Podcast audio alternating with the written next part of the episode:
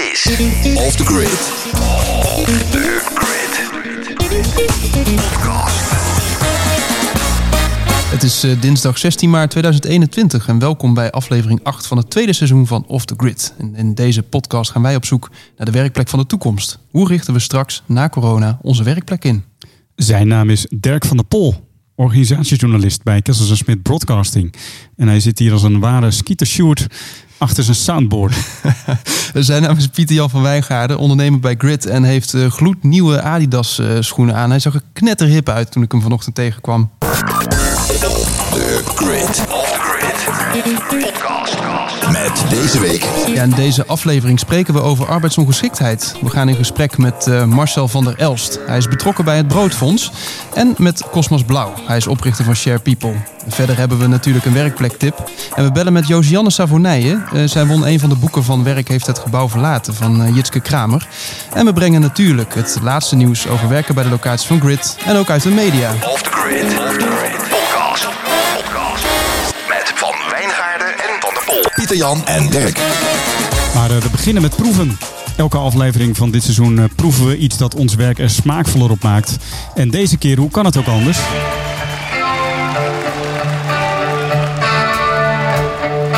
Ja, dan denk jij natuurlijk Pieter Jan. Ja, ik eh, denk maar aan één ding. Brood. Herman Brood. Want eh, wat hebben we eigenlijk voor ons? Ja, er staan hier eh, twee ontzettende broodjes. eh, gigantische broodjes van koek en ei. Uit Driebergen. En ja, dat is natuurlijk een, een van mijn favoriete cateraars uit Driebergen. Superleuke zaak. Ook om te komen in de tijd dat dat nog mocht natuurlijk in de Hoofdstraat. Een tijd voor corona, maar nu maken we dankbaar gebruik, van de, ja, van de catering specialiteiten. En ja, de, de, we hebben er foto's van gemaakt, dus die zullen wel bij de podcast meegeleverd worden. Maar het is een soort van Big Mac-achtig eh, gebeuren. Ja, het ziet er heerlijk uit. Eh, We hebben een broodje zalm, avocado en biologische kip. En wat heb jij? Eh, Heb jij nog iets of is het hetzelfde? Ik heb ook de biologische kip en ik heb ook tonijn. Maar ik ga eens Ah. even beginnen met de, met de kip. Ja, ik heb hier de zalm. Ik ben er heel benieuwd naar. Hey, maar die, die Herman Brood, hè? Dat is voor jou, eh, roept dat dan herinneringen op? Hmm, lekker zeg. Oh, heel lekker. Heerlijk. Ja, Herman Brood ehm, doet mij wel denken aan mijn studententijd. Ook de tijd dat ik veel zelf elektrische gitaar speelde. Ja, is natuurlijk een van de riffjes die gewoon heerlijk zijn om eh, te spelen. Maar ik kan me nog herinneren dat hij eh, van het dak sprong van het Hilton Hotel toen ik studeerde. Volgens mij was ergens, denk ik, ja. Ja. ergens rond die, de eeuwwisseling. ja, ja, ik, En, ja, ik kan het mezelf als klein kind nog een beetje herinneren. Dat is best wel een schok. Oh. En toen En, dacht ik, wie is Herman Brood? Ja, natuurlijk een ontzettende rocker, hè. Echte rock'n'roll, f- Nederlandse rock'n'roll figuur. We hebben het, vorige week hoorden we dat Golden Earring gaat stoppen helaas. En ook echte Nederlandse rockers. En eh, Herman Brood, eh, ja, daar hebben we dierbare herinneringen aan. En natuurlijk niet alleen muziek, eh, muzikant, hè. Ja, ook kunst. maakt natuurlijk prachtige schilderijen. Tenminste, ik ben er erg van gecharmeerd. Ik zou er ooit wel eens eentje willen hebben eigenlijk. Echte brood aan de muur. Een in, echte, echte, in Nijmegen. Ja, in Nijmegen brood aan de muur, ja. Het is maar goed dat mijn vriendin me niet hoort smakken, want ze vindt dat ik echt behoorlijk hard kou.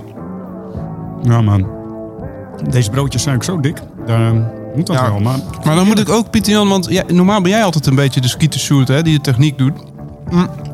Ik vind het toch wel een kunst hoe ik nu mijn handen ook schoon moet houden, aan de knopjes drukken en dat soort dingen. Hè? Ja, je doet het eh, hartstikke goed, eh, Dirk. Heerlijk. Hey, en eh, no- nog iets belangrijks denk ik over koekenij, want het heeft best wel een bijzonder verhaal, hè? Moet ik even vertellen? Ik heb net mijn mond vol. Ja, nee, ja. nou, dan vertel ik het. Ehm, want eh, bij koek en ei, terwijl ik een beetje smak, excuses eh, beste luisteraar. Ehm, oh, wat een, wat een heerlijk nummer, hè? Ehm, dus het personeel bestaat grotendeels uit mensen die moeite hebben om mee te komen in onze maatschappij en niet altijd eerlijke kansen krijgen. En ehm, nou, die kans tot ontwikkeling en zinvolle dagbesteding, die krijgen ze wel bij koek en ei.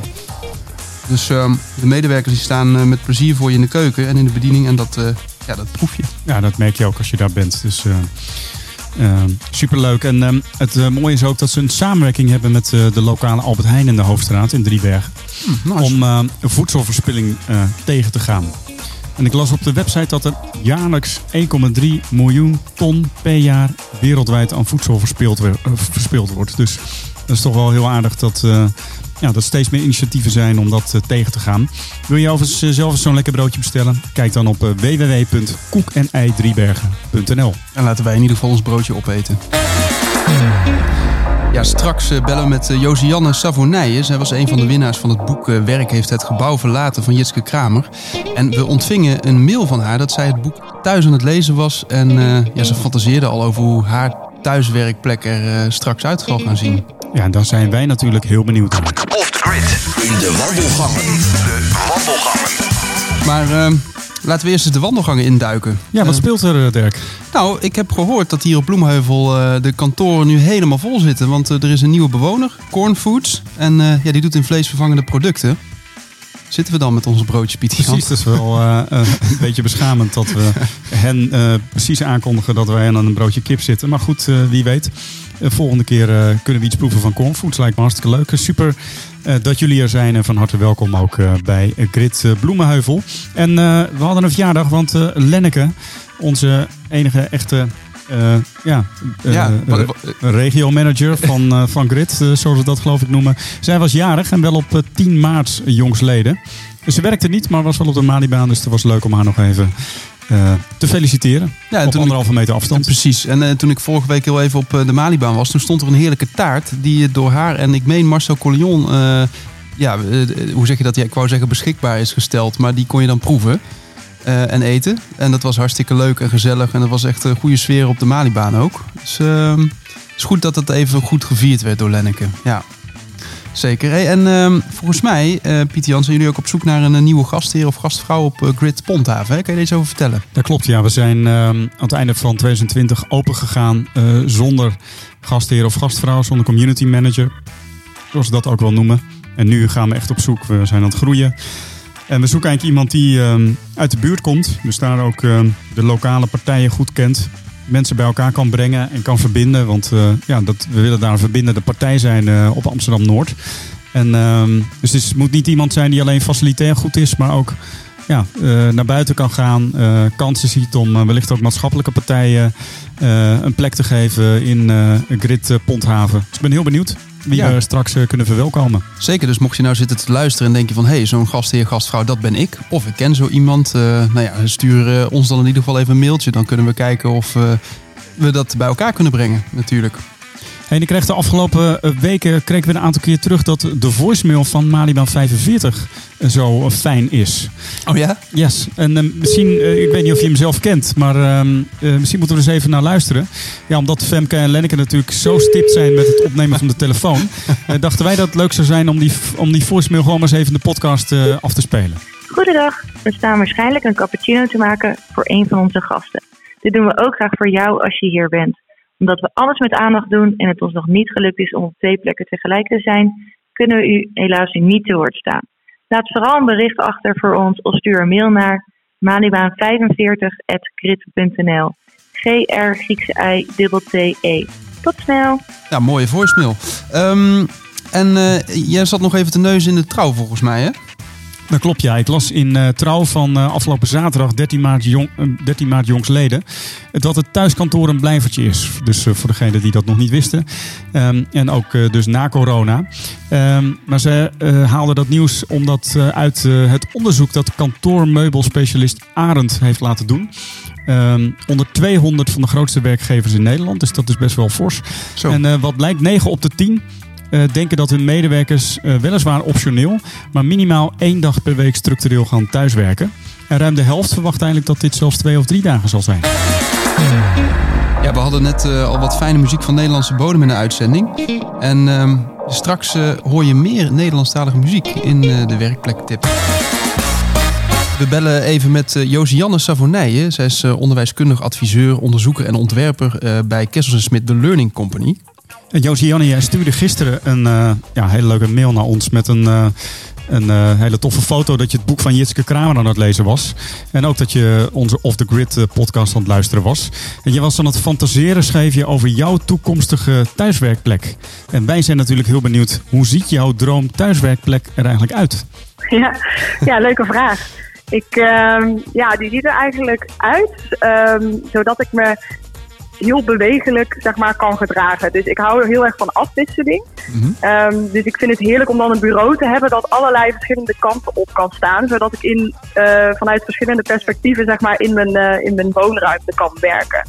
Dus, eh, dus dat is wel echt voor mij een droom. En ook met ja, een, een hoek waar ik al mijn sportattributen heb staan. Zodat ik ook soms tussen het werken of na het werken lekker kan sporten en me daar ook op kan verheugen. Dus dat is een beetje eh, kort mijn droomwerkplek. Wat leuk. En eh, zo'n zo'n bureau, doe jij daar dan ook verschillende dingen aan verschillende kanten van dat bureau? Of richt je je bureau dan ook weer anders in? Of hoe, waarom, waarom, waarom is dat belangrijk voor je? Ja, ik, eh, ik, ik, kan niet zo, ik ben niet zo heel goed in stilzitten. Dus ik vind het fijn om, eh, om in mijn werk eh, een beetje bewegelijk te blijven. Ja. Dus bijvoorbeeld ook af en toe even te gaan staan. Dus dat doe ik nu ook al. Ja. En af en toe even gewoon helemaal mijn, mijn woonkamer herinrichten. Zodat ik weer even een ander, een ander beeld om me heen heb, zeg maar. Dat Ja. werkt voor mij heel fris en inspirerend, zeg maar. Als ik iedere keer weer op een beetje op een andere plek zit. Dan voelt het ook alsof ik echt ook, zeg maar, naar mijn werk ga. En dan lunch ik ook op een andere plek dan waar ik werk. Dus, Ah, eh, en dat is wel iets wat ik in de toekomst ook echt wel eh, wil blijven doen. Ja. Ik herken het wel, want eh, zelf als ik bijvoorbeeld een podcast maak, dan doe ik altijd mijn bureau omhoog. Ik heb ook zo'n zo'n sta-bureau, zeg maar, zit-sta-bureau. En dan ik vind, vind staand radio maken eigenlijk veel fijner dan zittend. En als ik Ja, dan... Als ik iets moet schrijven, dan ga ik ook aan de andere kant van mijn bureau zitten. dus Ja. dat, Oh, eh, leuk, ja. ja. Dus ik heb ook voor verschillende activiteiten eh, richt ik mijn werkkamer dan ook weer even net iets anders in. Ja. Dus wat leuk om te horen. En vind jij, vind jij stilzitten dan ook iets moeilijks of niet? Nou, op zich, als ik aan het schrijven ben, kan ik best wel goed stilzitten. Maar ik moet ook wel, als ik dan bijvoorbeeld weer even aan het denken ben, dan ga ik weer even lopen of wandelen of eh, ijsberen, zoals dat heet. Of ik pak er een Ja. boek bij en dan ga ik even, ja, ik heb dan niet een hele grote werkkamer waar je echt een marathon in kan lopen. Maar dan loop ik even door de gang of eh, dan ga ik naar de kamer van een van mijn kinderen en dan ga ik daar naar buiten kijken of zo. Dus ik ben wel aan het bewegen, ja. Misschien meer dan ik mezelf realiseer. Dus je komt wel aan je 10.000 Ja. stappen. Oh. De schrijven is Ja, ook een beetje mooi. weglopen, Pieter-Jan. Schrijven is weg. Heb ik ooit eens gehoord. ja, Ja. dat is zeker waar in mijn geval, ja. Hey, en Josianne, wat ik me dan ook voor kan stellen, want je bent natuurlijk ook ontwerper. Dus ehm, zo'n zit-sta-bureau, ik zie bijna voor me dat je hem ook zo zou moeten kunnen kantelen dat je eh, ook allemaal post-its en plakketjes en dingen, dat je echt een ontwerp kan maken. Heb je daar Ja. dan ook zo'n hoek voor? In gedachten? Ja, ik, ehm, ik werk eigenlijk voornamelijk aan mijn eettafel. En die is best wel groot. En dan eh, inderdaad, soms aan het einde van de dag ligt die hele tafel eh, op de halve tafel bezaaid met post-its. en dan moet ik echt wel even zo van, oh ja, waar, waar was dit ook alweer voor? En even structureren. Maar dat werkt wel heel fijn. Dus ook veel ruimte om me heen te hebben. En dan lunch ik eh, aan, aan een bu- kleiner bureautje voor een raam. waar ik dan ook het boek van Jitske Kramer lees zodat ik het wel een beetje gescheiden hou. Maar dat ik wel gewoon inderdaad veel ruimte heb om lekker aan het werk te kunnen gaan. Mooi. En, En, eh, daarnaast gebeurt er natuurlijk ook heel veel eh, online. Dus eh, veel eh, met een mural werken waar je ook met post-its werkt bijvoorbeeld. Dus dat eh, werkt ook heel fijn. precies. En je zei al dat je dat het boek dus eh, aan het lezen bent. Eh, wat, eh, wat, wat is het meest inspirerende dat je tot nu toe eruit hebt gehaald? Het meest inspirerende. Ehm, ja, ik vind het eh, mooi hoe Jitke zeg maar, het vanuit een bepaald perspectief, of in ieder geval verschillende perspectieven bij elkaar probeert te brengen. En het ook echt heeft over een cultuurshock. Ja. Eh, dat is niet een, eh, een, een, een perspectief waarvanuit ik het tot nu toe heb bekeken, zeg maar. Dus dat is Ja. voor mij wel heel inspirerend en ook heel vernieuwend. Dat maakt wel dat mijn aandacht er ook wel echt bij blijft. Ja, dat vind ik heel leuk. Nou, tof. Leuk dat je het boek gewonnen hebt, uh, Josianne. En eh heel Ja, leuk om, om hier even over te spreken. Off the grid. Een maand of eh, vijf geleden posten wij op LinkedIn het bericht eh, dat we een tweede seizoen van Off the Grid zouden gaan opnemen. En eh, we vroegen of er ideeën waren voor gasten om uit te nodigen. En al vrij snel kwam er een reactie van een van onze bewoners, Marcel Collignon. En zijn bericht luidde als volgt. Hij zei, hij- of hij schreef eh, liever gezegd, Cosmos Blauw van Share People eh, coöperatie houdt kantoor op Bloemenheuvel. En Broodfonds Malibaan houdt kantoor op de Malibaan. En hoewel beide concepten verschillen, delen ze ook heel veel. En dat is wellicht ook een boeiend gesprek wat we zouden kunnen voeren in Off the Grid. En hij stelde de vraag, Dirk en Pieter zouden jullie het leuk vinden om Cosmas en Marcel uit te nodigen in de Off the Grid studio? En al dus geschieden. Cosmos Blauw is als sociaal ondernemer founder en partner van Share People Corporatie. En zij regelen arbeidsongeschiktheidsvoorzieningen voor en door zelfstandige ondernemers zonder tussenkomst van een verzekeraar. En uh, Marcel van der Elst, uh, overigens dus niet te verwarren met Marcel Collignon, die het, bericht op LinkedIn zette. Um, Marcel van der Elst is voorzitter van het Broodfonds Malibaan. En sinds 1997 is hij zelfstandig ondernemer op het gebied van software. Hij is softwareontwikkelaar. Cosmos, we bevinden ons inmiddels ver in de tweede coronagolf en veel ondernemers en ZZP'ers hebben het moeilijk. Um, ja, jullie vormen een coöperatie van zelfstandige ondernemers. Wat merken jullie bij jullie leden over de huidige economische situatie? Ja, uh, nou, we zien eigenlijk twee dingen, ook in de twee, in de twee golven, echt wel andere dingen. Uh, in de eerste golf merkten we heel duidelijk dat een aantal van onze deelnemers in vaste dienst gingen.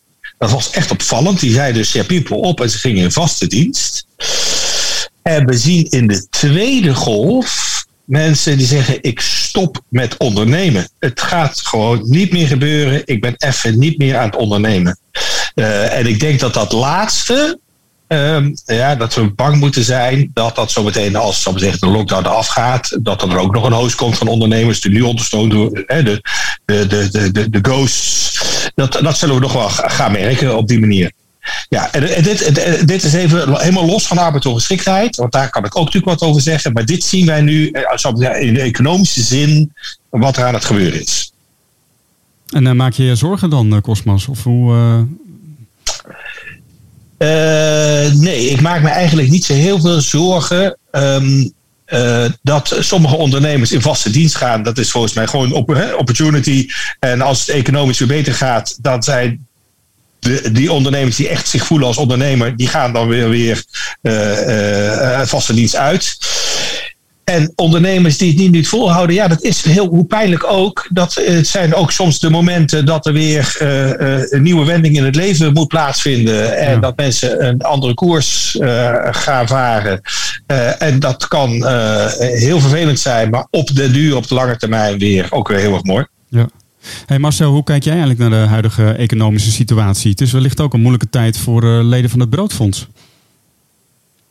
Nou, we zien bij onze leden, we zagen uh, voor de coronacrisis hadden we een aantal zieken, ook wat langdurig. En die zijn eigenlijk allemaal beter geworden gedurende de crisis.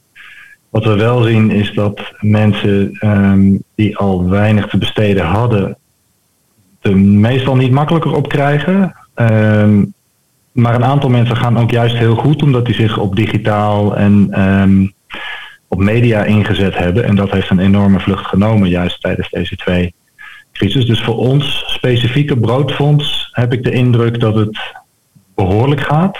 Dat verschilt per sector. We hebben ook een aantal uh, muzikanten, theatermakers. En die hebben het wel echt zwaar. Ja, Hey, Marcel, wat is een broodfonds eigenlijk? En uh, ja, waarin verschilt het met de gemiddelde arbeidsongeschiktheidsverzekering? Een broodfonds is een uh, vereniging die je met elkaar, uh, met een aantal mensen deelt. Je hebt een maandelijkse inleg. En met zeg 40, 50 mensen kun je besluiten, als iemand ziek wordt, om die persoon een uitkering te geven.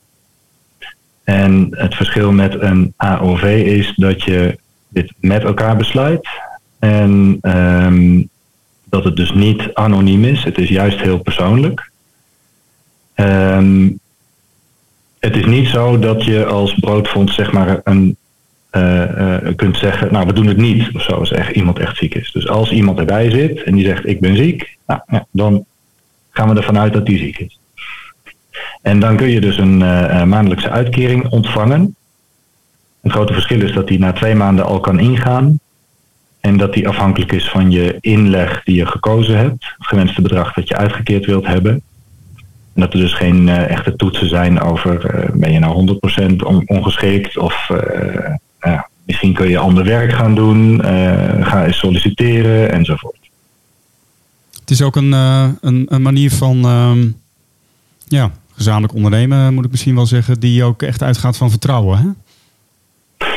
Zeker. En tussen de broodfondsen onderling, er zijn nu zo'n 450 broodfondsen in Nederland, is er ook een uh, verrekenmechanisme. Dat als sommige broodfondsen met langdurig zieken zitten, waardoor zij zelf niet meer uit hun lopende inleggen hun zieken kunnen betalen, dat andere broodfondsen daar in relatie ook aan kunnen bijdragen. Ja, dat is ook onderlinge steun. Ja.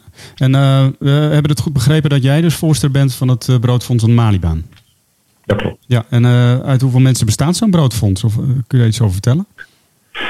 Minimum is 40. Dat is wat je wel nodig hebt om enige financiële dekking te krijgen. Uh, en veel meer dan 50 zijn de, meeste broodfondsen niet, omdat een belangrijk onderdeel of aspect van het broodfonds is juist dat je elkaar uh, goed kent. Ja, dus dan uh, start er weer een nieuw broodfonds, hè? heb ik wel eens begrepen. Dan ontstaat een volgende cel of groep mensen eigenlijk. Klopt. Ja. Cosmas, wat is uh, Share People coöperatie precies? Jullie zijn een coöperatie en op jullie website lees ik ook dat uh, ja, de, uh, de sociale missie eigenlijk belangrijker is dan winst maken. Jij stelt jezelf ook vaak voor als sociaal ondernemer. dus die sociale component is, is, blijkbaar ook belangrijk. Leg eens uit, wat is Share People precies? Nou, Share People is een netwerk, een coöperatie van ondernemers, zelfstandige ondernemers, freelancers, die elkaar dekken bij uh, arbeidsongeschiktheid. Uh, in die zin zitten er heel veel vergelijkingen bij met een broodfonds. Ook wij gaan uit van vertrouwen. En het is dus een echte onderlinge. Het is dus geen verzekering, maar het is een onderling. We doen het samen. Um, het grote, hè, een van de verschillen met een broodfonds is dat wij dus niet van een groep van 40 of 50 man uitgaan. Maar wij zijn een groep van inmiddels al uh, nou ja, meer dan 4600 uh, ondernemers. Hè. We zijn in de afgelopen coronatijd zelfs verdubbeld. Zo. Ja. Dus dat, zijn, dus dat is een eh, veel grotere groep en dat werkt ja. dus iets anders. Ja. ja, en voor jullie is dus het elkaar kennen, kan ik me dan voorstellen, minder belangrijk. Nee, dat is niet belangrijk. Hè? Uh, maar hè, uh, het is gebaseerd op solidariteit. Het is gebaseerd op, uh, op vertrouwen. en je zit dus wel allemaal in hetzelfde schuitje van... nou ja, je bent allemaal freelancer. Je bent allemaal ZZP'er. Ja. Ja. Hey, en uh, Marcel, in een van onze vorige afleveringen spraken we met Paul Kursten. Uh, hij voorspelt dat de werkplek van de toekomst near home gaat zijn. En uh, ik kan me voorstellen dat dit ja, de waarde van sociale en lokale component van het broodfonds vooral versterkt. Omdat ja, mensen dus dichter bij huis blijven. ik ben wel benieuwd, hoe kijk jij daarnaar? een van de belangrijkste argumenten voor mensen om bij het broodfonds te gaan. We hebben gelukkig een heel gezond broodfonds, om het zo te, uit te drukken. En voor de meeste mensen telt het ook heel zwaar mee dat het een netwerkorganisatie is. Um, aantal mensen kwamen van wat verder, Ede, Amsterdam.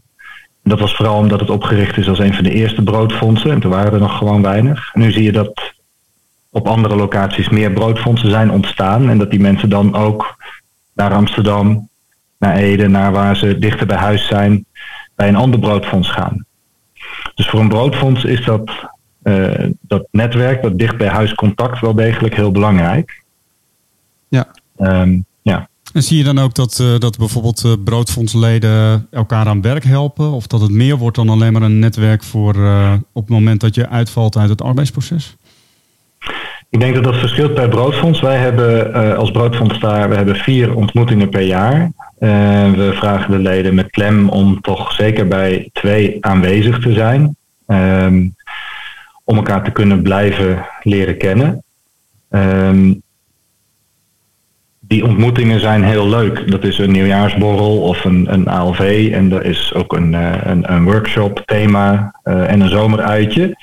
Zo doen wij het. Dat kun je als broodfonds helemaal zelf invullen.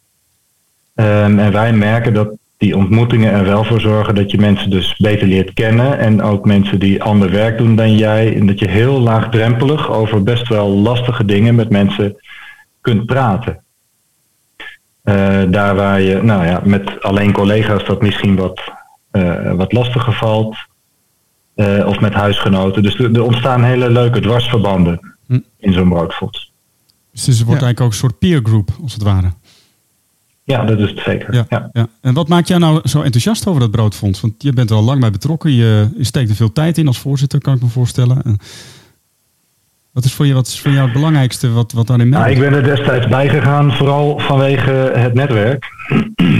um, om gewoon te kijken, nou, ik, ik, ik woonde nog niet zo lang eh, in Utrecht. En ik denk, nou, een leuke manier om nu eens even wat andere mensen te leren kennen.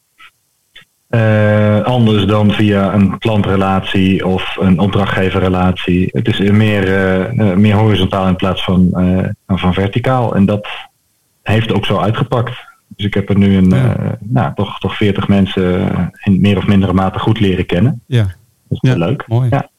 Hey Cosmas, eh, Paul eh Keursten heeft het dus over work near home. Eh, jij kijkt daar volgens mij wel een beetje anders naar, hè? Dat- Dat ben ik wel heel ja, ik, naar. ik, ik kijk daar wat, wat anders naar.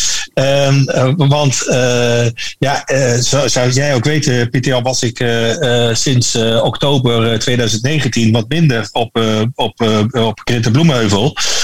Omdat ik werk als digital nomad. Ehm, eh, dus ik heb dat een tijdje vanuit Nieuw-Zeeland en Australië gedaan. En ik was eigenlijk van plan om dat nog een tijdje langer voor te houden. Maar door corona ben ik eerder teruggekomen. Ehm, eh, en ik zie nu juist dat iedereen ziet, het is veel makkelijker om of van overal te werken. Het maakt niet uit waar ik werk. Ehm, eh, ja, dus ik kan een tijdje hier zitten, maar ik kan ook een tijdje op Schiermonnikoog zitten, waar ik graag zit. En, dan weer werk op werk ik vanuit de Ponthaven, denk ik. En, zo, dan weer vanuit de Malibaan. Heerlijk dat dat kan bij uh, Bloemheuvel. Of bij Gritten bedoel ik, laat ik zo zeggen. In dat netwerk. Dus zo, ik hoop inderdaad zo meteen ook weer dat er een, een, een vestiging eh, op Ubud, bij, in Ubud eh, komt op Bali. Dat lijkt me een goed idee. Dus nee, ik ben er absoluut van overtuigd dat wij, juist door dat wat wij nu aan het doen zijn, dat we merken dat we van overal kunnen werken. Ja, heb je behoefte aan, aan uh, contact, aan ook fysiek contact? Ja, dat heb ik. Dus ik wil uh, een, een, café, maar ik wil ook nieuwe ontmoetingen. Hè?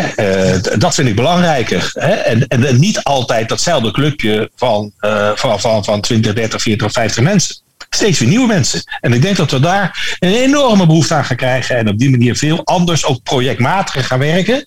En daar even op vooruitlopen, denk ik dus ook. Hè, ik ben eigenlijk de term modern werkende. Ik geloof niet zo, en dat zag je net in dat werknemer zijn, of ZZP'er zijn, of ondernemer zijn. Ik denk dat dat ook veel meer door elkaar gaat lopen. En mensen veel meer, ja, nou, met een lelijk woord heet dat de gig economy.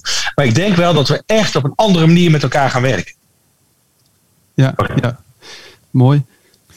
Uh, Marcel, jij, wil wat uh, zeggen? Ja, ik kan er mooi op inhaken. Ik maak natuurlijk software en dat uh, zeker in de open source community, maar ook um, nou ja, nu bijvoorbeeld in een project. Nu ben ik bezig met iemand in Nepal, in India, in de Oekraïne. En wij werken dus met een heel remote team. Nou, met software is dat super makkelijk om overal te zijn, maar ik merk dat het, mijn werk niet hetgene is wat mij plaatsgebonden houdt, maar de basisschool van mijn kinderen. Dus ja. zo mobiel ben ik helaas niet meer. Nee. nee. nee ja, goed. Uh, die kinderen heb ik me dan maar meegenomen. Dat is het soms, soms wat lastig, inderdaad. Nou, in ieder geval, ja. de, de, plek voor werk doet er steeds minder toe. Allo, alhoewel ik uh, Cosmas ja. jou hoor zeggen van ontmoeting is daarin heel belangrijk. En uh, jij zegt, ja. Marcel, ja, ontmoeting, dat, uh, dat, dat, vorm, dat geef ik zelfs ook wel digitaal vorm. Want jij hebt een compleet projectteam ingericht zeg maar, met mensen van over de hele wereld. Hey Cosmos, ik ben wel benieuwd, uh, want hè, bij, bij Broodfonds dus ziet dat, dat je dus ontmoetingen ook hebt uh, met de lokale community. Merk je bij jullie vanuit Share People dat er ook zoiets wel plaatsvindt van ondernemers die elkaar via Share People ontmoeten en iets... Ja, ja, ja, zeker. Heel, heel sterk. Um, um, je merkt het op twee manieren. Hè. Je merkt dat op het moment dat er zieken zijn en die worden ondersteund. Hè, en dan doen mensen een donatie. En bij ons werkt dat volledig digitaal. Dat hebben wij hè, via een, een, een, een, ja, een, een fintech oplossing hebben we dat gedaan. En iemand doet dan een donatie en doet dan een men ziet, oké, ik moet Jan doneren. En ze kennen die Jan helemaal niet, maar ze sturen wel een berichtje van Jan, goh, wat vervelend voor je dat je ziek bent en als ik je nog ergens mee kan helpen, uh, want ik ben coach, ik noem maar wat. En ja, nou Jan, uh, komt dan terug van ja, uh, wat fijn Annemarie dat je mij wil helpen. nou, die mensen kennen elkaar helemaal niet. En um, dus op die manier dat ontstaat dat, dat mensen dat doen. En dat gaat vooral online via een, via een appje. Um, dus op die manier werkt het. Maar we werken ook sinds kort bijvoorbeeld samen met, een, uh, met de app. Overigens ook hier uit Driebergen. Dat is wel heel erg mooi. Tenminste, een van de founders. Het Fring. En Fring is een app waarbij uh, ZZP'ers kunnen aangeven of ze nog tijd beschikbaar hebben. Uh, dus uh, de ene heeft nog maar 10 uur beschikbaar, de andere heeft 8 uur beschikbaar. Maar je hebt altijd in je netwerk. Hè, dus uh, als ik marketeer ben, dan heb ik vaak werk samen met een vaste vormgever. Dus iemand um, vraagt dan aan mij, een opdrachtgever mij, van goh, ken je nog goede opdracht, ken je nog goede vormgever? Ja hoor. En je kent er dan 10, maar je weet niet of die alle 10 beschikbaar zijn. Nou, dat gaat dan via dat netwerk van Share People. Wordt het op die manier wordt dat met elkaar gedeeld. sommige mensen kennen elkaar helemaal niet. Maar ja, weet je, hoe werkt dat tegenwoordig? Niet via uh, het, uh, het clubhuis uh, Bloemenheuvel, maar via LinkedIn bijvoorbeeld. Ja. Nou, of via de groep van Share People. Dus dat werkt tegenwoordig echt heel anders. Hm. Hey Marcel, ik ben wel benieuwd, hoe kijk jij aan tegen de toekomst van het Broodfonds? Gaat het zo blijven ja, zoals het is? Vraag. We of, hadden... Of, ja, zie jij veranderingen gebeuren? Of, we zijn wel blij dat er in de. Er was wat onzekerheid uh, vorig jaar, twee jaar geleden, over de verplichte AOV. Uh, waardoor mensen zoiets hadden van, nou, dan, is het dus dubbel. Nogmaals, een verzekering is dus iets heel anders dan een broodfonds en dan Share People. Broodfonds, Share People gaat over de eerste twee jaar en daarna is het op. Daarna kan het niet meer. En zo'n verzekering, ja, mocht jou iets overkomen, dan zou je in theorie tot je pensioen uh, geld kunnen ontvangen. Dat is bij zo'n broodfonds zeker niet het geval. Uh, nu is er een uitzondering gekomen dat je dus als je bij een broodfonds zit, en ik neem aan dat het ook voor Share People geldt, dat je de eerste twee jaar nog geen gebruik van een AOV hoeft te maken. Dat was een voorziening die uh, erdoor is gekomen. Ja, dat is volgens ehm, mij niet helemaal zo. Dat, is, het, is er, het is er nog niet door. Hè. Dus die verplichte arbeidsongeschiktheidsverzekering die komt waarschijnlijk pas vanaf uh, uh, 2026. Men weet ook nog niet of dat uh, een, arbeid, uh, een verplichte arbeidsongeschiktheidsverzekering gaat zijn alleen maar voor ZZP'ers. En um, hè, of, of voor alle werkenden, dat zou ook nog zo kunnen zijn. Dus dat weet men nog niet. Het is ook onderdeel nu, zo zeggen, zometeen van de verkiezingen. Ook en natuurlijk vooral zometeen van uh, nou ja, het nieuwe, de nieuwe regering. Um, hoe dat vormgegeven zal gaan worden. Dus dat is eigenlijk, daar zit nog heel veel onduidelijkheid in eigenlijk. Um, maar het is wel een ontwikkeling waar we nou ja, op moeten letten. En wij als Share People zijn wel aan het kijken hoe we wij gaan ons niet beperken tot alleen maar twee jaar. Laten we het zo zeggen. We zijn daar nu met oplossingen uh, mee bezig. Ja, ja, kijk eens aan. Ja, en Marcel, ik wil jou eigenlijk zeggen dat je ook wel, uh, tenminste dat als ik je zo hoor uh, praten, dat je wel voorziet dat zeg maar maatschappelijke initiatieven, ook vanuit de Rijksoverheid en Broodfonds, wellicht op een gegeven moment ook dichter bij elkaar komen en elkaar insluiten. Ja, ik denk het wel. Kijk, we hebben nu, ik lees het even, de actuele stand van zaken. 610 broodfondsen en 27.000 aangesloten zelfstandigen. Dat is natuurlijk wel een substantiële groep die je niet zomaar even opzij kunt zetten. En de broodfondsmakers, dat, uh, die zijn gestart in Driebergen. Um, het Biba Schoenmaker. En die um, zijn ook uh, in gesprek met de overheid over deze zaken. Van ja, jongens, houden jullie hier wel rekening mee? Er is behoefte onder ondernemers en onder zelfstandigen voor alternatieven. Ja. Um, dus scheer niet alles over één kam en geef ruimte voor die alternatieven. En het lijkt erop dat daar wel degelijk ruimte voor wordt gegeven. En dat is mooi. Net zoals het goed is dat er een alternatief voor het broodfonds is. Dus een heel leuk om jouw verhaal nee, te horen. Nee, het, het, klopt, het klopt, eh, Marcel, dat uh, in die verplichte arbeidsongeschiktheid, uh, uh, zoals dat bedacht is eigenlijk door partijen die er helemaal niet over gaan. Hè, dus de, de, de, de, dat is in het pensioenakkoord is dit besloten, hè, waarbij werkgevers en de vakbonden dit met elkaar hebben afgesproken. Van ook, er moet ook iets gedaan worden aan die ZZP'ers, omdat ze ons als een soort van concurrentie.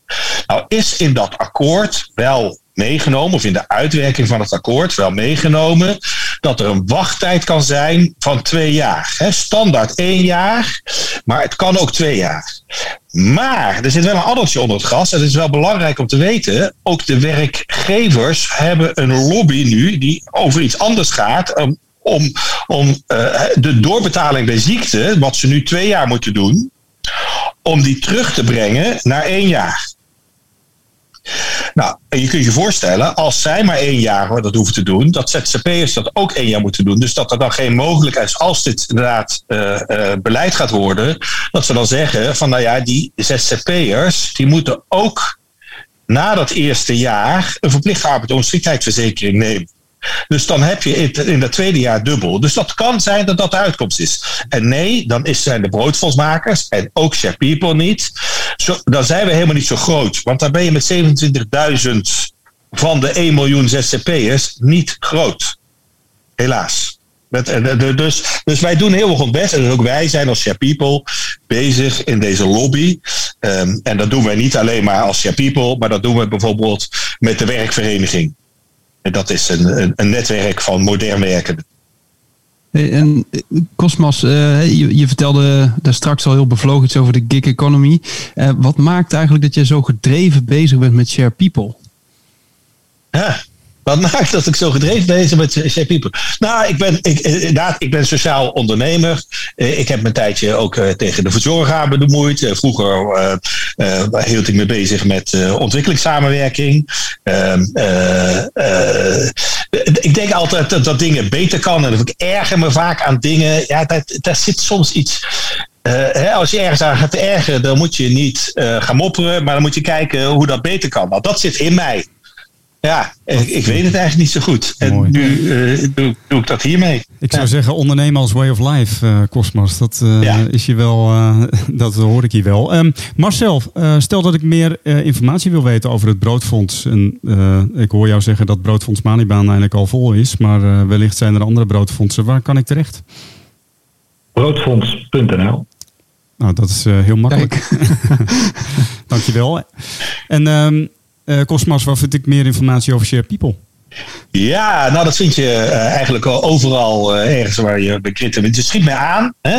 Um, ik ben niet de laatste tijd uh, door corona iets minder vaak, maar ik probeer wat vaker op de vestiging te zijn. Maar uiteraard ook heel ingewikkeld. sharepeople.nl um, Maar stuur mij gewoon even een mailtje. cosmas.sharepeople.nl Hartstikke leuk. Marcel van der Elst en Cosmos Blauw, dank voor jullie bijdrage aan Off The Grid. Off The Grid. Hey Dirk, toen ik afgelopen zaterdagavond met mijn kinderen naar Lego Masters zat te kijken, weet jij geïnspireerd door iets heel anders, hè? Ja, ik was echt uh, helemaal blown away. Ik heb met, dit, met het leren kennen van het instrument zoveel andere dingen leren kennen. Zoveel rijkere dingen leren kennen dan alleen muziek. En dan kom je eigenlijk bij mijn levensmotto. Dan zou je kunnen zeggen van alles doet ertoe. Ik heb er wel eens over gezongen. Dus dat alles wat je doet, alles wat je zegt, alles wat je laat, heeft te maken met alles. Ik, ik kan, laat ik maar zeggen, als ik het in mijn vak zou zeggen... en ik denk dat alle muzikanten die schrijven het hiermee eens zijn... het stuk dat je schrijft is het stuk dat je gehoord hebt... dat je hebt herschreven... en, en het liedje dat je had willen kunnen schrijven. En dat is waarschijnlijk het beste liedje dat je niet geschreven hebt. Mhm. Dus in, al, in dat hele proces zit je geschiedenis, je eigen Dat zijn uh, best wel zware woorden ook, eh, Dirk. Ja, dat zijn wel filosofische woorden, hè? Nou. Ja, dus, dus... wie horen we hier en uh, in, welke show was dit? We horen hier Herman van Veen. En dat is natuurlijk een andere Herman die, dan die we eerder bespraken natuurlijk. En dit was in Matthijs gaat door. dat ja, presenteert Matthijs van Nieuwkerk op zaterdagavond. En hij heeft daar één rubriek in en dat heet Forever Young. En daar was eh, Herman van Veen, eh, die ik meen uit mijn hoofd 76 werd, eh, voor uitgenodigd. Ja, dus echt, ik vond het mega inspirerend om te zien. Sowieso, ik zal erbij vertellen, ik ga met mijn gezin of met de familie vaak naar voorstellingen van Herman van Veen. Dus dan gaan we, ja, toen dat nog kon natuurlijk, uh, één keer per jaar naar Carré. En dan maakten we zijn voorstelling daarmee. Maar het is echt waanzinnig. Die man die, die, die doet dus 200 voorstellingen per jaar ongeveer. Ik heb hem zelfs één keer ontmoet live in Frankrijk. Toen waren we helemaal naar Frankrijk ervoor gereden om Herman van Veen in een of ander huis mee te maken. Echte fan. Ja, echte fan. En wat daar ook heel cool was... Um, hij weet echt uh, qua muzikanten ook jonge generaties aan zich te verbinden. Waardoor hij zelf ook een beetje jong blijft. Dus hij werkt altijd met jonge, talentvolle muzikanten samen. Um, en dat is echt tof om te zien. En hij blijft zelf ook ontzettend vitaal. Want hij springt over dat podium. Dat is echt, echt ongekend. Um, en ik weet nog dat hij toen bijvoorbeeld in Frankrijk... toen sprong hij gewoon het zwembad in uh, aan het einde van de voorstelling... met kleren en al aan. Ja, en waar was je nou zaterdagavond zo geïnspireerd door geraakt? Eh, het ging, eh, dus het heeft ook een beetje te maken met dit soort, dit soort quotes. En wat hij eigenlijk hier probeert te zeggen is, eh, of wat hij eigenlijk zegt hier, is dat, ehm, dat wat je ook doet, dat daar alles wat je ooit hebt meegemaakt in zit. Dus de podcast die wij maken, daar zit alles wat ik in mijn leven gedaan heb, dat komt daar ook in samen. Wat wij nu bespreken, de gedachtegangen die je hebt. Hij spreekt ook over leraren die je gevormd hebben daarin. Eh, dus ja, wat hij zegt, alles doet ertoe. Wat je ook doet, op welk knopje je ook drukt van je mengpaneel. eh, alles heeft daartoe geleid of zo. En hoe helpt dat jou in je werk? Nou, dat betekent dat ik me nog bewuster word van eh, elk gesprek dat ik heb, elk interview dat ik heb. dat het allemaal ergens aan bijdraagt. Dus soms zie je de impact van iets niet op één moment, het moment dat je het doet. Maar komt dat later weer ergens op zijn pootjes terecht of zo. Dus het geeft je ook vertrouwen eigenlijk. Ja, ik moet ook denken aan die, aan die speech van Steve Jobs, Connecting the Dots. Dat gaat pas achteraf. Ja. Dus eh, het feit dat hij eh, uiteindelijk eh, een keer school moest verlaten, maar ook Apple moest verlaten. Ja, aan het einde van zijn leven kijkt hij erop terug en ziet hij ook dat het zin heeft gehad. Ja, precies. Dat is eigenlijk wat jij ook bedoelt. Ja, ja. Ja. ja. dat, dat, dat vind ik fascinerend. Plus, dat, wat ik heel mooi vond aan hem is dat hij dus op een gegeven moment merkte van... hé, hey, ik die, hè, als je 200 voorstellingen op een jaar speelt, dat is topsport. En wat hij nu dus doet, is dat hij één keer in de week eh, een eh, live voorstelling doet... eh, waar dan niemand bij is. Maar daar gaat hij wel echt volle bakker in. Om echt ja, zo getraind te blijven. En dat vond ik ook wel interessant. Want hij had het ook over met pensioen gaan. Hij zei van, ja, even in mijn woorden, waarom... ehm, eigenlijk moet je daar ook op voorbereid worden op met pensioen gaan. Eh, niet dat ik daar trouwens mee bezig ben, Jan. Helemaal niet. Maar eh, ik vond daar wel wat in zitten. Van, eh, want als je op een gegeven moment dat allemaal in één keer moet loslaten... eh, dan, eh, dan is alles wat je in je hoofd getraind hebt daarvoor... Dat, daar, daar krijg je gewoon een reactie van op je lichaam. Dus je zal dat toch ergens moeten onderhouden of iets ermee moeten doen. Ehm, dus ja, ik vind het gewoon een onwijs inspirerende... eh, boeiende eh, man eigenlijk. ehm, die ook echt als een artiest door het leven gaat. En dat, daar ben ik ook wel gecharmeerd van. Hij heeft al van die grote schilderijen die hij dan eh onderklatst met verf. En dan zie je hem zo vitaal dat doen. En ja, dan denk ik van hoe tof dat je zo gewoon met alle passie doet wat je leuk vindt. Van schilderen tot muziek maken tot gewoon een live voorstelling spelen met talentvolle muzikanten om je heen. Ehm, en wat trouwens ook heel tof is aan het einde van dit fragment, gaat hij eh, een bewerkte versie doen van Opzij, Opzij, Opzij. En daar zingt dan ook O'Gene in, maar hij heeft er een supergroot orkest omheen. En dan komt er ook nog een, een jonge rapper bij. En eh, daar, eigenlijk komt daar alles in samen waar hij het heeft Ja. over. Alles doet het toe daar. Het En is dat programma, dat eh, Matthijs draait door, dat blinkt ook wel uit in muzikale excellentie. Hey, waar, waar kijken we terug? Want ik heb dus Lego Masters zitten kijken en niet naar Herman van Veen. Nou, als je een NPO startaccount hebt, dan kan je hem sowieso terugvinden. Eh, dus ik denk als je googelt op Matthijs draait door, dan eh, ja, is het eh, de, de aflevering van afgelopen zaterdag. Welke dag was dat uit mijn hoofd? Dat weet ik even niet. Dat was Eh, 13 maart. 13 maart, ja, precies. Dus nou, dan kan je hem terug luisteren. Ja, dit was hem dan. De laatste aflevering van het tweede seizoen van Off the Grid. Blijf luisteren, blijf reageren. Bijvoorbeeld op LinkedIn. Dat vinden we tof. En je merkt dus ook in deze uitzending, als je reageert, eh, we doen er ook iets mee. Want eh, de beide heren rondom eh, arbeidsongeschiktheid, uh, broodfonds hebben we ook bij elkaar gebracht. Andere tips, suggesties, feedback, we horen het graag. En mocht je nog een recensie achter willen laten op bijvoorbeeld Apple Podcasts of bij Spotify, van harte welkom. Wij gaan ons buigen over een, een nieuw vervolg. Een derde seizoen van Off the Grid. Eh, dat het er komt, eh, dat is eh, zeker. Maar hoe? Daar zijn we nog niet uit. En wil je in de tussentijd nog andere afleveringen luisteren van Off the Grid? Je vindt ons via www.grid.nl. Dat schrijf je met G-R-Y-T-T-E.